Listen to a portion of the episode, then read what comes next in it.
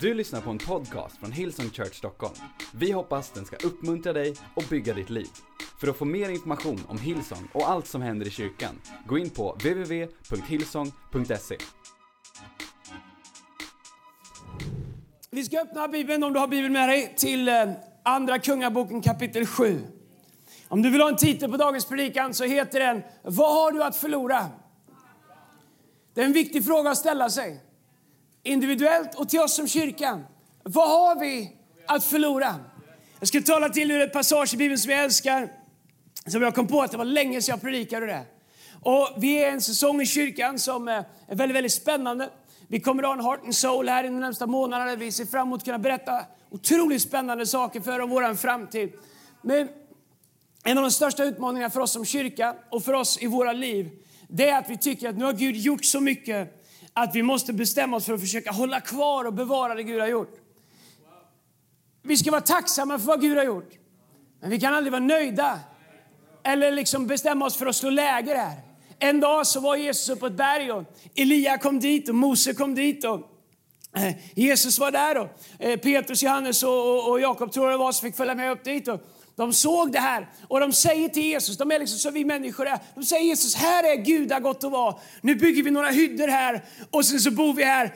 De, de, de hade lätt, kunde lätt tänka sig att strunta i de andra lärjungarna. Skit i dem liksom. Vi bygger några hyddor här Jesus, du och jag, Petrus och, och Elia och Mose. Så är vi här. För det blir väl inte bättre än så här. Det ligger i vår natur att när vi tycker att någonting är bra, att eh, försöka konservera det. Men per definition i det ögonblick som vi gör det så har vi börjat vår egen tillbakagång. Därför att antingen så är man eh, du är liksom på väg mot liv eller du är på väg mot avveckling. Livet är aldrig statiskt. Och det ögonblicket du väljer att bli statisk i din tillvaro så har du faktiskt börjat din egen långsamma avveckling av det som Gud har gett dig eller det som finns i ditt liv. Samma sak med vår kyrka. Det vi ska läsa om idag är fyra män som satt i en port och tyckte att de hade inga alternativ. De var spetälska. De satt i porten till Samarien och, och där fanns ingen mat. Eh, Arameerna fanns lite längre bort, hade slått sitt läger. Där visste man att det fanns mycket mat och grejer. Sådär. Och så sitter de i porten där och säger de, här kommer vi dö. Här är svält och vi är spetälska. Om vi går till arameerna så kommer de kanske slå ihjäl oss, det var fiender. Men vi vet att de har mat där. De inser att de har att välja på att stanna kvar mot en säker död eller ta chansen in i någonting som har massa osäkerhetsfaktorer runt omkring sig, massa frågor att ställa. Och vi läser ifrån eh, eh, Andra Kungaboken kapitel 7, vers 3. Come on Södra, är ni med också? Faktum är att vi kommer länka idag den här predikan till våra nya connect-grupper i Göteborg, vilket är fantastiskt. Så Hillsong Göteborg, våra nya connect-grupper. Kul att ni är med. Första budskapet ni tittar på, vi är så glada. Eh, fantastiskt. Göteborg! Jag älskar er, även om ingen i Hillsong hejar på Frölunda. Andra Kungaboken, och inte SSK heller för den delen. Okej, okay, SSK då. Andra Kungaboken 7, vers 3. Vi går tillbaka till Guds ord. Utanför stadsporten uppehöll sig fyra spetälska män. De sa till varandra, varför stannar vi här tills vi dör? Väldigt bra fråga att ställa sig i olika omständigheter i livet. Om vi bestämmer oss för att gå in i staden, nu medan där är svält, så kommer vi att dö där. Alltså det är där de bor, de satt i porten in till staden. Och stannar vi här kommer vi också dö. Så låt oss gå över till arameernas läger. Låter de oss leva, så får vi leva. Och dödar de oss, så låt oss dö. De skulle ändå dö eftersom de var spetälska. I skymningen steg de upp och gick in i arameernas läger. Men när de kom till utkanten av lägret, då fanns det inte en människa där. Herren hade nämligen låtit det höras ett dån av vagnar och hästar. Ett dån som av en stor här. Och de hade sagt till varandra, Israels kung har säkert lejt hetiternas kungar och egypternas kungar för att överfalla oss. Därför hade de brutit upp, alltså araméerna hade brutit upp och flytt i skymningen och hade övergett sina tält, sina hästar och sina åsnor. Undrar vad de grillade den dagen, men de definierar inte det så mycket mer än hästar och åsnor här. Och de hade övergett lägret sådant det stod och flytt för att rädda sina liv. När de spetälska kom till utkanten av lägret gick de in i ett tält och åt och drack. Och de tog silvret och guld och kläder och gick bort och gömde det. Sen vände de tillbaks till ett annat tält och tog vad som fanns där. Så gick de bort och gömde det. Men, efter, men, men därefter sa de till varandra, vi gör inte rätt. Idag kan vi komma med goda nyheter. Men om vi tiger nu och väntar tills imorgon drar vi skuld över oss. Kom så går vi och berättar om det här i kungens hus. Det de gör är att de, de tar chansen och säger, hej, här vi sitter. I liksom våra omöjligheter. Här finns inga opportunities. Här finns ingenting av det som vi behöver. Om vi lämnar porten och går in i vår stad där vi kommer ifrån så kommer vi svälta ihjäl för det finns ingen mat. Alltså, det de säger är att gå tillbaks i det vi har varit. Där finns inte. Ja, ibland så, jag har fascinerats över kristna människor som faller bort ifrån sin relation med Gud. Sen gör de comeback, liksom, de kommer tillbaks. Liksom vilken fascination det finns för att, få, för att liksom gå tillbaks och sjunga de sångerna liksom, och göra det som man gjorde när det var riktigt starkt för 10-15 år sedan. Och man, det är nästan som man vill liksom återskapa någonting som var då. Men det de säger är, hej, det som, det som ligger bakom oss, där finns ingen mat. In i staden finns ingen mat. Här svälter vi ihjäl och dör i våran spetälska. Om vi går in i Alamenas läger så kanske de till och med dödar oss för det är våra fiender. Men vad har vi att förlora? Bakom oss finns ingenting. Här vet vi att vi säkert kommer dö. Den enda chansen som finns är i det okända. Så går de in i det okända. De går in där de, där, där de inte vet någonting om. De vågar gå i tro. Vi ska komma tillbaka till det. Och när de kommer dit så har Gud gått före. Så kommer de till en plats där de, där de, där de hittar allt det här och äter och är glada och går och gömmer massa saker och liksom börjar liksom bygga upp ett lager. Sen tänker de, det här är inte rätt. Vi kan idag komma med goda nyheter till alla andra som håller på att svälta ihjäl. Alltså en välsignelse som är till välsignelse. Allt vad Gud gör, riktig välsignelse från Gud, kommer aldrig någonsin bara drabba dig. Den kommer alltid drabba dig och kanaliseras. Hur vet man att välsignelse verkligen är från Gud? Man vet det därför att det är en välsignelse som ger vidare. En dag tröttnade de. När de satt där, fyra spetälskare, de sa, finns det något mer? Jag tror aldrig att vi kommer våga göra saker vi aldrig gjort tidigare förrän vi kommer till en plats där vi verkligen är beredda att ställa oss frågan, finns det någonting mer?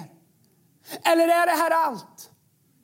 Och beroende på hur vi väljer att förhålla oss till det så måste vi antingen dra en cirkel som är så snäv, där vi säger, det finns inget utanför min cirkel. Och det vi gör då är att vi måste börja kriga med alla andra människor som påstår att det finns något där ute för att försvara den världsbild vi bygger oss själva för att skapa ett enkelt sätt att leva. Vi gör det så lätt. Ah, ah, annars så måste man våga ställa sig frågan, finns det någonting mer? Finns det någonting som jag skulle kunna få som jag aldrig har haft? Finns det en välsignelse som jag, som jag inte vet om? Finns det någonting för mig att upptäcka i det okända? Finns det någonting för mig att fånga på en plats där jag inte har varit? Finns det någonstans jag kan gå där jag aldrig har gått? Jag älskar det, äventyret i att inte leva ett status quo-liv där vi säger åh nu är vi här, det här är så bra, nu ska vi bygga här. Och vilken frestelse det är för oss i Hillsong att säga, man säger varför har ni så mycket möte? Varför liksom, det är ju inte ens fullt på 10 mötet, varför delade ni på 11 mötet? Det var ju fullsatt och härligt. Därför, varför ska vi försvara ett möte som är fullt? Vi kan ju inte växa ens. Nu kan vi växa. Om allihopa här tar med sig en vän nästa söndag så är det här mötet fullt. Det är hela det som är meningen. Att våga gå ut i det okända. Att inte nöja sig, inte stanna kvar. Utan säga, det finns någonting i framtiden som vi inte är riktigt säkra på. Men om vi stannar kvar här så kommer vi aldrig upptäcka det. Det finns två frågor som kommer förändra din framtid. Oavsett vilket område i livet det gäller. De två viktigaste frågorna vi måste ställa oss. Alltid utifrån där vi är. Nummer ett, finns det något mer? Det här är en fråga som håller oss levande. Den håller mig levande. Finns det någonting mer Gud? Gud, finns det något annat vi kan göra? Gud, finns det något mer än det vi har tänkt? Finns det något annat sätt Gud? Gud, finns det? Bibeln säger vad inget öga har sett, vad inget öra har hört, vad inget människohjärta kan förstå eller omfamna. Det har Gud förberett åt dem som älskar honom. Gud, finns det något mer? I våra äktenskap, finns det något mer? I våra, våra jobb finns det något mer. I vår vardag finns det något mer. I vår kallelse finns det något mer. Det är den första frågan. Den andra frågan som vi måste ställa, om, men den, den bygger på att vi har ställt den första frågan. Den första frågan, finns det något mer, måste leda oss till den andra frågan, vad ska jag göra åt det? Om vi vågar ställa oss frågan, finns det någonting mer? Vi säger Gud, tänk om det finns någonting mer. Då, då kommer fråga nummer två, absolut, eh, som ett måste. Vad ska jag göra åt det här? En del av oss vi kan uppleva att det finns någonting mer, men det är så odiffust. Vi säger att det där är alldeles för osäkert, det där det låtsas vi inte om. Det vi, vi, liksom, eh, vi, vi kör en svensk, vi låtsas inte om någonting. Någon går före oss i kön. Vi låtsas inte om någonting. Vi knyter näven i fickan så här. Sen går vi hem och svär på frugan istället för att säga till den som gick före oss i kön. Vi, vill liksom, vi låtsas inte om någonting. Men om du ställer dig frågan, finns det någonting mer? Och du säger, Gud det finns någonting mer. Då kommer frågan tillbaks till mig själv. Vad ska jag göra åt det? Det finns ett citat som jag älskar som heter, om du vill ha något som du aldrig har haft måste du vara beredd att göra någonting som du aldrig har gjort. Därför att om jag gör det jag alltid har gjort så kommer jag bara få det jag alltid har fått. Men vill jag få något som jag aldrig har fått så måste jag våga göra något som jag aldrig har gjort. Jag måste våga säga, hej, vi går till arameernas läger. Kanske låter de oss leva. Det enda jag vet är att stannar jag kvar här så går jag mot en säker död. Jag älskar när de säger det i, liksom vers 3 utanför stadsporten uppehöll sig fyra. De sa till varandra, varför stannar vi här tills vi dör? Kanske är du i en situation i livet där du bara känner det, det är knappt levande längre. Men varför stannar du där? Så jag vet inte hur vägen framåt ser ut. Nej, men det är okej. Okay. Det kan man få hjälp med. Det kan Gud visa oss. Det kan du få bra mänskliga råd om. Men det finns någonting i våra sinnen vi måste sortera ut om vi ska bara cementera oss i där vi är. Vi ska bara ställa oss frågan, var, varför stannar vi här tills vi dör? Kanske ditt äktenskap har börjat svalna av och du liksom bara lär dig att leva med det. Ställ dig frågan, varför, varför stannar jag här tills du dör? Men alternativet är inte att fly, alternativet är att du kan börja leva igen. Kanske är det så att om du vågar gå in i arameernas land, vågar gå in i det okända, vågar ta nya steg i tro att du upptäcker att det är inte död som väntar dig utan att det är liv som väntar här. Att det finns guld att hitta där. Att det finns gömda skatter, inte bara för dig utan för omgivningen. Kanske är det så att det behövs en hjälte i ditt äktenskap, någon som ställer sig upp och säger, vet du vad, här ska vi inte sitta tills det dör. Kom nu så tar vi nya steg framåt. Gör något som vi aldrig har gjort. Eller i ditt företag, eller i din whatever. Varför stannar vi här tills vi dör? Varför sitter vi där vi sitter i våra portar så lätt? Varför lägger vi så mycket energi på att bygga ett sånt bo i våra portar där vi sitter som de spetälska satte sin port? Vi bygger så lätt liksom hem där. Vi bygger försvarsmekanismer där. Vi bygger orsaker och anledningar och logiska resonemang om varför vi är där. Vi försvarar vår position där till döddagar. Istället för att ställa oss frågan varför stannar vi här tills vi dör? Varför tar vi inte ett nytt steg? Come on Hillsong Church, varför skulle vi stanna här? Vi har sju gudstjänster idag, jag predikar på fem av dem, plus Göteborg. Men åh, vilka tycker det här är bra, nu ska vi konsolidera, nu ska vi sitta här i porten och tycka liksom att nu måste vi, här är det bra. Varför stannar vi här? Då dör vi ju. Gud är alltid på väg någonstans. Han är på väg in i framtiden. Gud är alltid i rörelse. Varför ska vi stanna här? Det finns nya segrar att vinna. Det finns nya berg att bestiga. Det finns nya människor. Vet du vad man säger i Sverige? Ah, eller förlåt, man säger att det krävs, det finns olika uppgifter, men mellan 2 eller 3 procent kristna människor, aktivt kristna människor Thank you. Uh, man säger att det, finns, det krävs mellan 2 och 3 aktivt, procent aktivt kristna människor i ett land för att ett land ska kunna evangelisera sig självt. Är det mindre än mellan 2 till 3 procent aktivt, liksom sådana som ni som kommer till kyrkan, involverade, tror på Gud. Är det mindre än det så räknar man landet som ett onått land. Man har inte förmågan att själva nå sitt eget land. Sverige har en bra söndag 1,8 procent aktiva kristna som går till kyrkan. En bra söndag i Sverige. Vi skulle kunna säga att Sverige ett, ett klassas utifrån det som man i missionsperspektiv klassas som ett onått land. Varför skulle vi stanna här i våran port? Och säga att men nu är det väl så bra i Hillsong. Nu är det väl så här. Det är klart vi inte kan göra det.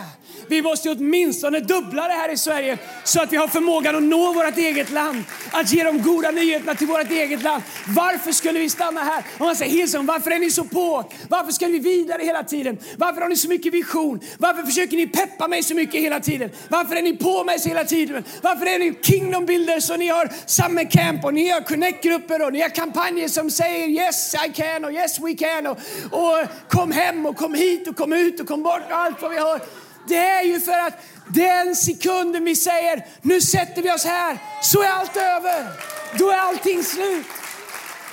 Välsignelsen finns i det land som inte vet om vi ens vågar gå in i. Varför stannar vi här tills vi dör?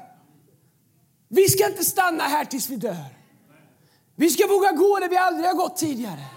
Vi ska våga tro Gud om saker vi aldrig vågat tro. Vi ska våga be modiga böner som vi inte ens har vågat be tidigare. Vi ska våga tänka flera tankar i rad. Come on somebody! Knyta ihop en hel serie av tankar. Jag vet att det kommer som en chock för en hel men det, det är härligt när det händer. Okej, okay, om du aldrig upplevt det så nu boka en tid, ska vi, vi tar igenom den kursen där. Men det som händer med männen är att de inser att vi har ingenting att förlora på, på att gå. Ingenting att förlora. Ibland tycker jag att det är tragiskt, mig själv inkluderat, att vi måste komma till en plats där det inte längre finns någonting att förlora innan vi vågar tro Gud och följa Gud in i framtiden. Ibland är det som att liksom vi måste sitta till alla ben på pallen avsågade innan vi kastar oss på Gud. Tänk om vi skulle börja leva i tro tidigare. Att vi inte behövde vänta till det svält i det förflutna. Eller till spetälskan håller på att äta upp oss. Att vi skulle leva in motion hela tiden, i rörelse hela tiden. In i det okända, in i framtiden. Rättfärdig ska leva i tro, men om man drar sig undan så har min själ ingen glädje i dem, säger i brevbrevet. Leva i tro, en ständigt framåtrörelse, en tro som hela tiden söker sig in i det okända. Det härliga med att leva i en tro som hela tiden söker sig in i det okända, det är att man blir hela tiden så varse och så påminner om sitt behov av Gud. Jag brukar ofta tänka så här, Andreas, om jag kan få min tillvaro att snurra runt utan Gud, då lever jag inte det liv som Gud har skapat mig för. Om inte det krävs tro, om inte det krävs Guds mirakler, om det inte krävs Guds gudomliga engagemang i min tillvaro för att den ens ska fungera, då har jag nöjt mig med ett liv som är så långt mycket mindre än vad Gud sände sin son till att dö på ett kors för att jag skulle få ha i mitt liv. Om vi som kyrka lever ett liv där vi säger Gud om inte du är med oss den här veckan då vet vi inte hur det här ska gå. Gud om inte du leder oss in i framtiden då vet vi inte hur det här ska gå. Då har vi nöjt oss med någonting liksom där vi har satt oss ner i porten. Jag älskar trosäventyret som det är att leva ett liv där vi alltid har en fot på väg in i det okända. Vem vet hur det blir när vi kommer dit? Vi känner bara att Gud leder oss där. Här kan vi inte stanna, det här har varit. Men vi kristna vi älskar att bygga monument över det som Gud har gjort. Samla oss kring det. Hitta vår identitet i det. Åh, det är de gamla sångerna som är de bästa. Ja, de var bäst när de var nya. För då gällde de någonting som Gud gjorde då. Jag gillar dem, jag kan dem. Men Bibeln säger sjung en ny sång. Det finns någonting nytt som Gud gör. Åh, kyrkan är inte som den var förr. Nej, tack gode Gud för det. Att det går framåt, att det utvecklas, att Gud gör nya saker. Att vi upptäcker, att vi växer. Ja, det var mycket bättre förr när kyrkan var liten. Jag kände alla. Och en del av oss vi tycker att det är bra att du försvinner lite i mängden. För att det... Nej, jag skojar. I'm kidding, I'm kidding, I'm kidding. En del av er tittar på mig som att han, han menar verkligen det. Är det mig han tänker på? Jag tänker inte på någon. Ingen, ingen på 10 mötet i alla fall. 16 mötet absolut. Inte på det kristna mötet. Här finns bara riktigt, riktigt fina människor. Men tack gode Gud att det inte är som det var. Att det inte är som förr. När vi startade vår kyrka. När den som spelar trummor fick liksom göra en start, Usain Bolt-start ute i foajén för han skulle även servera bullar. Och sen packa... Tack gode Gud att det inte är vad det var. Det var underbart då, men nu, då var då, nu är nu. Oh, jag kommer ihåg förr när det var så här. Ja, men det var bra då, men vill du tillbaks till det? För Jesus har gått vidare. Och det värsta är att vi har en sån fascination att försöka möta honom på vägen. Och det där mötet kan vara härligt, men sen när han är på väg däråt och du är tillbaks tillbaka och du sjunger han är likadan idag och det är jag också. Ingenting har hänt på länge liksom. Du vet, det är inte det som är grejen. Men att leva med en fot på väg in i det okända.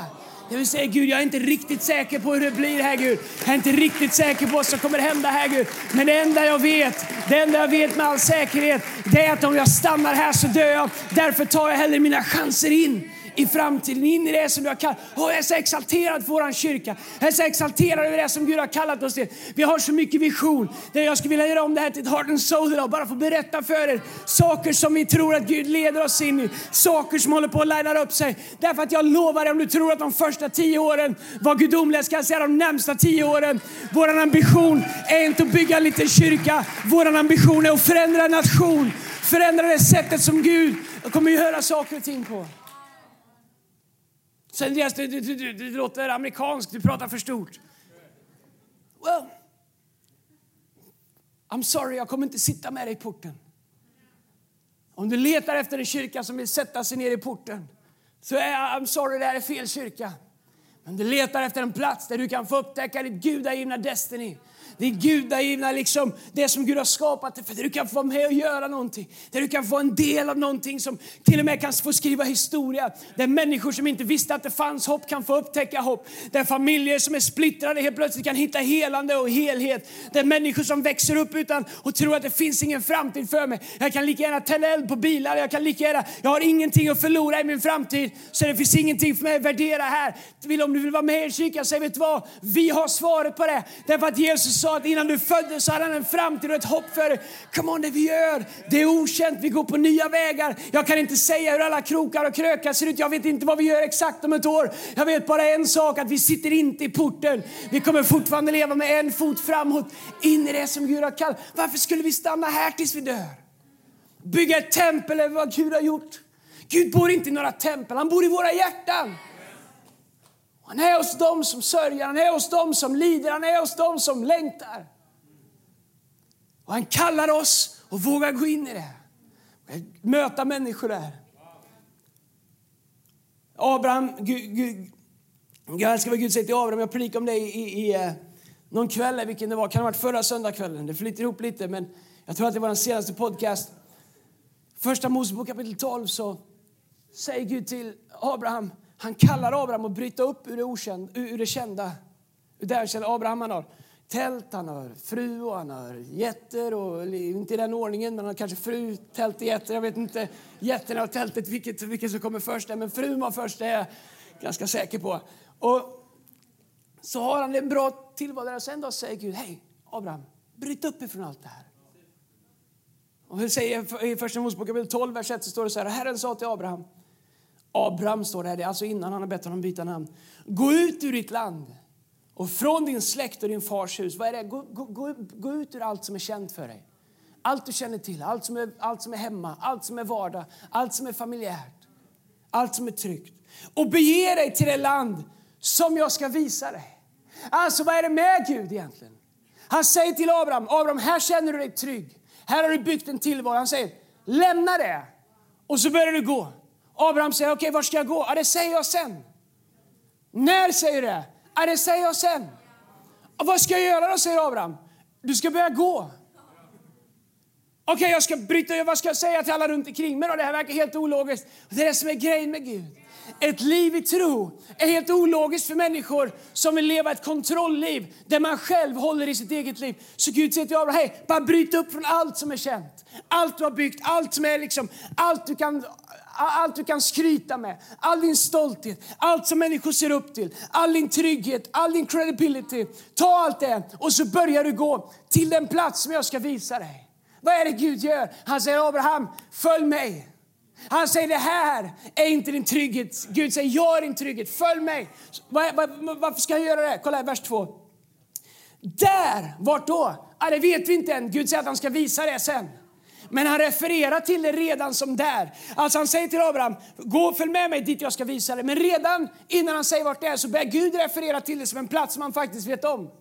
Och så säger han, där ska jag göra dig till ett stort folk. Jag ska välsigna dig, göra ditt namn stort och du ska bli, och du ska bli till en välsignelse. Jag älskar det. Gud han säger tre viktiga ingredienser i en välsignelse. Han säger, jag ska välsigna dig. Och så säger Gud att han ska göra ditt namn stort. Vad betyder det? Det är precis som det står i Matteus kapitel 5, vers, eh, kan det vara 14, 15, 15 kanske. Att han ska göra oss som en stad på berget. Han vill använda våra liv för att, för att visa sin godhet. Okay? Gud vill skryta genom våra liv. Inte att, han vill inte att vi ska skryta, men Gud vill liksom show off sin godhet genom våra liv. Så han säger, han säger så här, följ med mig, jag ska välsigna dig, jag ska låta människor se dig genom ditt namn, han säger gör ditt namn stort och säger han, och du ska bli till en välsignelse för andra. Men vad är det han säger? Hej, det här löftet, det finns på en plats som du inte har varit på än. Det finns på en plats som du inte vet om än. Men om du följer mig, om du är beredd att lämna där du, din tillvaro, om du är beredd att lämna där du, där du har suttit vid så länge, om du är beredd att lämna det som har varit så vardag för dig. Då, om du är beredd att våga lita på mig och sätta mig före, säger Gud, allting som du håller i din hand, då ska jag ta dig till en plats som för Gud är väldigt självklar. För Gud säger där. För Gud är den specifika. Han säger, där ska jag göra dig till ett stort folk. Där ska jag välsigna dig. Men också, vet du vad? Han säger också, där ska jag göra dig till en välsignelse för eh, du, ska bli till, du ska bli till en, och du ska bli till en välsignelse. Vet du vad? Det finns människor som väntar på andra sidan våran lydnad. Det finns människor vars mirakel väntar på att få bli uppfyllda på andra sidan våran lydnad av vad Gud kallar oss till. Jag är övertygad om att det finns människor där som Gud vill svara på deras böner genom våra liv. Så Gud säger, Come on, kan vi lämna det här som du håller så hårt i? Därför att det finns människor där som jag vill välsigna genom ditt liv. Så det finns människor som väntar på ett mirakel på andra sidan våran lydnad. När vi vågar lämna det som är så tryggt, det som är så vardagligt, det vi känner till, det som är liksom ger en som comfort. När vi vågar släppa det och följa Gud, vart då? Ja, det säger han sen. Men dit han tar oss vill han välsigna oss, men han vill också göra oss till en välsignelse. Tänk den här tanken. Jag har en massa punkter där, det blir, kan bli en hel månadsserie det här. Tänk den här tanken. Imorgon när du vaknar, se din dag som en resa. Både vad du gör tidsmässigt, din egen inre utveckling, din attityd, ditt sätt att pay attention, ditt sätt att vara medveten, ditt sätt att vara tillgänglig. Se din dag som en resa säger Gud idag genom den här resan. Använd mig till att nå alla de människorna som du har ställt på min resa. Låt mig ha mina ögon öppna så att jag ser vem du vill att jag ska bli till välsignelse för. Herre, jag vill inte stanna här, jag vill inte vakna och sitta kvar här i sängen, sitta kvar här i porten. Utan se varje dag som en dag där du följer Gud till det där som han har för dig. Och säger Gud, idag, den här dagen, den här veckan, den här månaden, den här säsongen som jag är. Gud, ta mig till, till ditt där som du har för mig. Och använd mig på resan. Visa mig på resan vilka människor som du har positionerat ut, ut med resan. Där, där Gud säger, där, och Gud säger till dem, hej, it's a miracle coming, det, det, är ett mirakel på väg. Och jag håller bara på att försöka få loss dem. Liksom, man har lite svårt att få dem att lämna sin trygga vardag. Men om du bara fortsätter att be här så ska jag jobba på Kalle, Putte, Pelle, Stina och allt vad de heter här. Att våga bryta upp här och börja följa mig. För så fort jag kan få dem att börja följa så kommer, de också kunna, kommer jag kunna använda dem till att ge dig det miraklet som är här. Tänk dig att du kommer till jobbet, det finns kanske någon på morgonen som sagt Gud idag så måste jag veta om du finns. Och så har du vaknat den morgonen och sagt Gud här är jag. Jag är tillgänglig. Jag är här Gud. Jag följer dig. Använd mig. Tala till mig. Och Gud säger bra. Jag hörde din första bönen om att de vill se att jag finns. Kanon. Jag har en som är på väg in till jobbet. Håll bara fast till första fikarasten. Därför att då kommer de här och de kommer säga ett ord i rätt tid till dig så att du vet att jag finns. Kom och tänk om vi levde våra liv med ett större perspektiv av att vi vågar lämna våra portar, vågar lämna våra, våra tryggheter och säga Gud, här är jag. Varför stannar vi här tills vi dör? Vet du vad som är ännu svårare? Det är om vi har haft framgång. Kanske har du haft framgång på jobbet, framgång i ekonomin, framgång i, i relationer, framgång i liksom whatever. Och du känner att du har så mycket att hålla i. Vi tänker att det är lätt liksom för de som inget har. Men vet du vad, ibland är, är, är Guds välsignelser det som gör det svårare för oss att våga släppa och följa. Det är viktigt för oss att se till att Guds välsignelser inte blir något som håller oss tillbaks från att följa honom in i kallelsen. Den dagen Guds välsignelser är viktigare för oss än vår lydnad till han som gav oss välsignelserna så har vi precis dragit ur bottenpluggen ur våra egna liv. Och vi kommer se välsignelserna börja sippra ut. Medan vi försöker fånga dem så kommer du känna hur de rinner mellan fingrarna på dig. Därför att det har aldrig handlat om välsignelserna. Det har handlat om den som ger välsignelserna. Det har handlat om den hand som den kommer ifrån. Det har handlat om det namn som den kommer ifrån. Det har handlat om den Herren som vi har gett våra liv till. Och därför så är det oerhört viktigt för oss. Allihopa utav oss är välsignade. Och säger Andreas, du vet inte jag har det. Och de flesta av oss, vi har ätit morgonen, vi har sovit under tak. Tack gode Gud att ni har kläder på er allihopa. Det gör dig till, till liksom de topp 2 procenten av de mest eh, välsignade i hela världen. Jag förstår att det finns massa utmaningar representerade i det här rummet. Men låt oss se till att inte Guds välsignelser hindrar oss från att lyda honom, från att följa honom. Utan att vi lever våra liv och vi säger Gud det här du har gett mig, det kom från dig, det tillhör dig. Jag, jag tackar Gud för att jag har det i mitt liv, men jag lever inte för det. Det definierar inte vem jag är, det definierar inte mitt egenvärde, det definierar inte liksom min trygghet. Min trygghet har jag i dig. Älskaren Saltaren säger under sång och dans ska de säga alla mina källor har jag i dig. Våra källor är Gud, inte våra välsignelser. Vi tackar Gud för om Gud vill välsigna dig. Han har sagt att han vill välsigna dig i kapitel 1 med all den himmelska världens andliga välsignelse. Han säger att han ska öppna himmelens fönster över Himalaki kapitel 3 och låta himmelens härlighet regna in i ditt liv. Och det säger han förresten att han ska göra när vi för våra tionde in i Guds hus. Så det kommer med lite conditions. Men han säger att han ska välsigna oss. Men vi söker inte handen som välsignar oss. Vi söker ansiktet på han som är vår välsignelse. Och vi lever inte så uppbundna av vad Gud har gjort eller vad vi har eller det vi känner till. Så att vi inte vågar lämna det och följa Gud in. Vad skulle du göra? Jag hinner bara en punkt här. Vad skulle du göra om du bara vågade lämna det som har känt för dig. Vilka steg ut i det okända skulle du våga ta? Om du bara vågade kliva in i det som Gud har för dig. I din familj, i din vardag, i ditt böneliv, i ditt givande. Tänk på hur mycket givande, det här är ingen predikan om givande, men för mig alltid när, jag, när det handlar om att lita på Gud så för mig så kommer det så självklart tillbaks till mitt givande. Därför att mitt givande definierar vem det är jag verkligen sätter mitt hopp till. Och sen Andreas, hur vet jag om jag litar på Gud? Egentligen är det väldigt enkelt. Logga in på din bank och gör ett kontoutdrag för de sista tre månaderna. Och se vad du lägger dina resurser på. Se vad du håller i. Om du verkligen vill pröva ditt hjärta så ta någonting som känns för dig och ge bort. Prova att ge bort något som du verkligen älskar, något som du uppskattar. Ge bort det och se vad som händer med ditt hjärta. Det finns en frihet i att inte vara ägd. Den friheten gör att Gud säger dig kan jag ge vad som helst. Därför du kommer att kunna ha välsignelsen, men välsignelsen kommer aldrig ha dig. När det kommer till givande så är det ett fantastiskt sätt att säga, Gud vet du vad?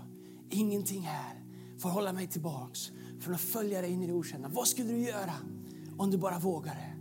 Vad skulle du göra om du bara vågade lita på att Gud är med dig? Att han leder dig på rätta vägar för sitt namns skull. Att endast godhet och nåd, psalm 23, kommer följa dig i alla dina livsdagar. Att när du följer Gud dit han kallar dig, även om du inte ens vet vart det är. Ah, om du, om du bara vågade lita på vad där är för någonting. När han säger till, till Abraham, följ mig till den plats som jag ska visa dig. Där ska jag välsigna dig. Om du bara vågar lita, lita på Gud för ditt eget där. Vad skulle du våga göra då? Om du skulle ta en chans i livet, våga, våga göra någonting som du aldrig har gjort för att få någonting och vinna någonting som du aldrig har haft. Come on, det är den sortens kyrka du är med i. Och det är den sortens människor runt omkring dig som är redo att fira dig och heja på dig och stå i tro tillsammans med dig. Och jag önskar att vår kyrka ska vara en kyrka där människor har lätt för att ringa till varandra och säga Hej, kan jag få ta en fika med dig? Vill du be tillsammans med mig? Kan jag bara få bolla någonting med dig därför att jag är på väg att ta en, en ett steg och börja gå in i arameernas land. Jag vet inte vad som väntar här, men kanske låter Gud mig leva. Kanske kommer jag upptäcka skatten som finns där. I Jesu Kristi Nazarets namn. Kom on, ska vi stå upp tillsammans? Du har lyssnat till en podcast från Hillsong Church Stockholm. Om du vill veta mer om vår kyrka eller om våra söndagsmöten Surfa in på www.hillsong.se.